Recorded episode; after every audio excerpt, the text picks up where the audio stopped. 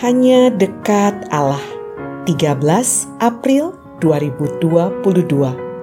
Membebani namun tak terbebani. Lukas 11 ayat 45 sampai 46. Seorang dari antara ahli-ahli Taurat itu menjawab dan berkata kepadanya, "Guru, dengan berkata demikian engkau menghina kami juga." Tetapi ia menjawab, "Celakalah kamu juga, hai ahli-ahli Taurat, sebab kamu meletakkan beban-beban yang tak terpikul pada orang, tetapi kamu sendiri tidak menyentuh beban itu dengan satu jari pun." Seorang ahli Taurat tersinggung mendengar perkataan Yesus.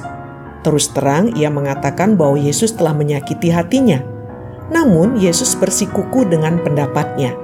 Di mata Yesus, para ahli Taurat telah bertindak semena-mena, membebani orang dengan beban yang tak tertanggungkan, namun mereka sendiri enggan menyentuh beban itu dengan satu jari pun. Ini sungguh tidak adil, membebani namun tak mau terbebani para ahli Taurat telah menelaah kitab suci dan tafsirannya. Tujuan awalnya baik.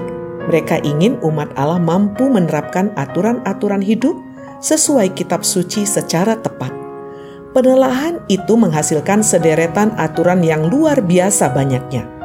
Dan karena takut bahwa orang mungkin berlaku kurang teliti terhadap aturan itu, maka dibuatlah aturan atas aturan tersebut. Bagi orang lain, para ahli Taurat membuat aturan secara rinci.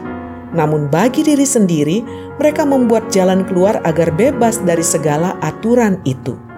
Di mata Yesus, ini sungguh suatu ketidakadilan. Dan karena itu, Yesus mengecam mereka. Salam semangat dari kami, literatur perkantas nasional.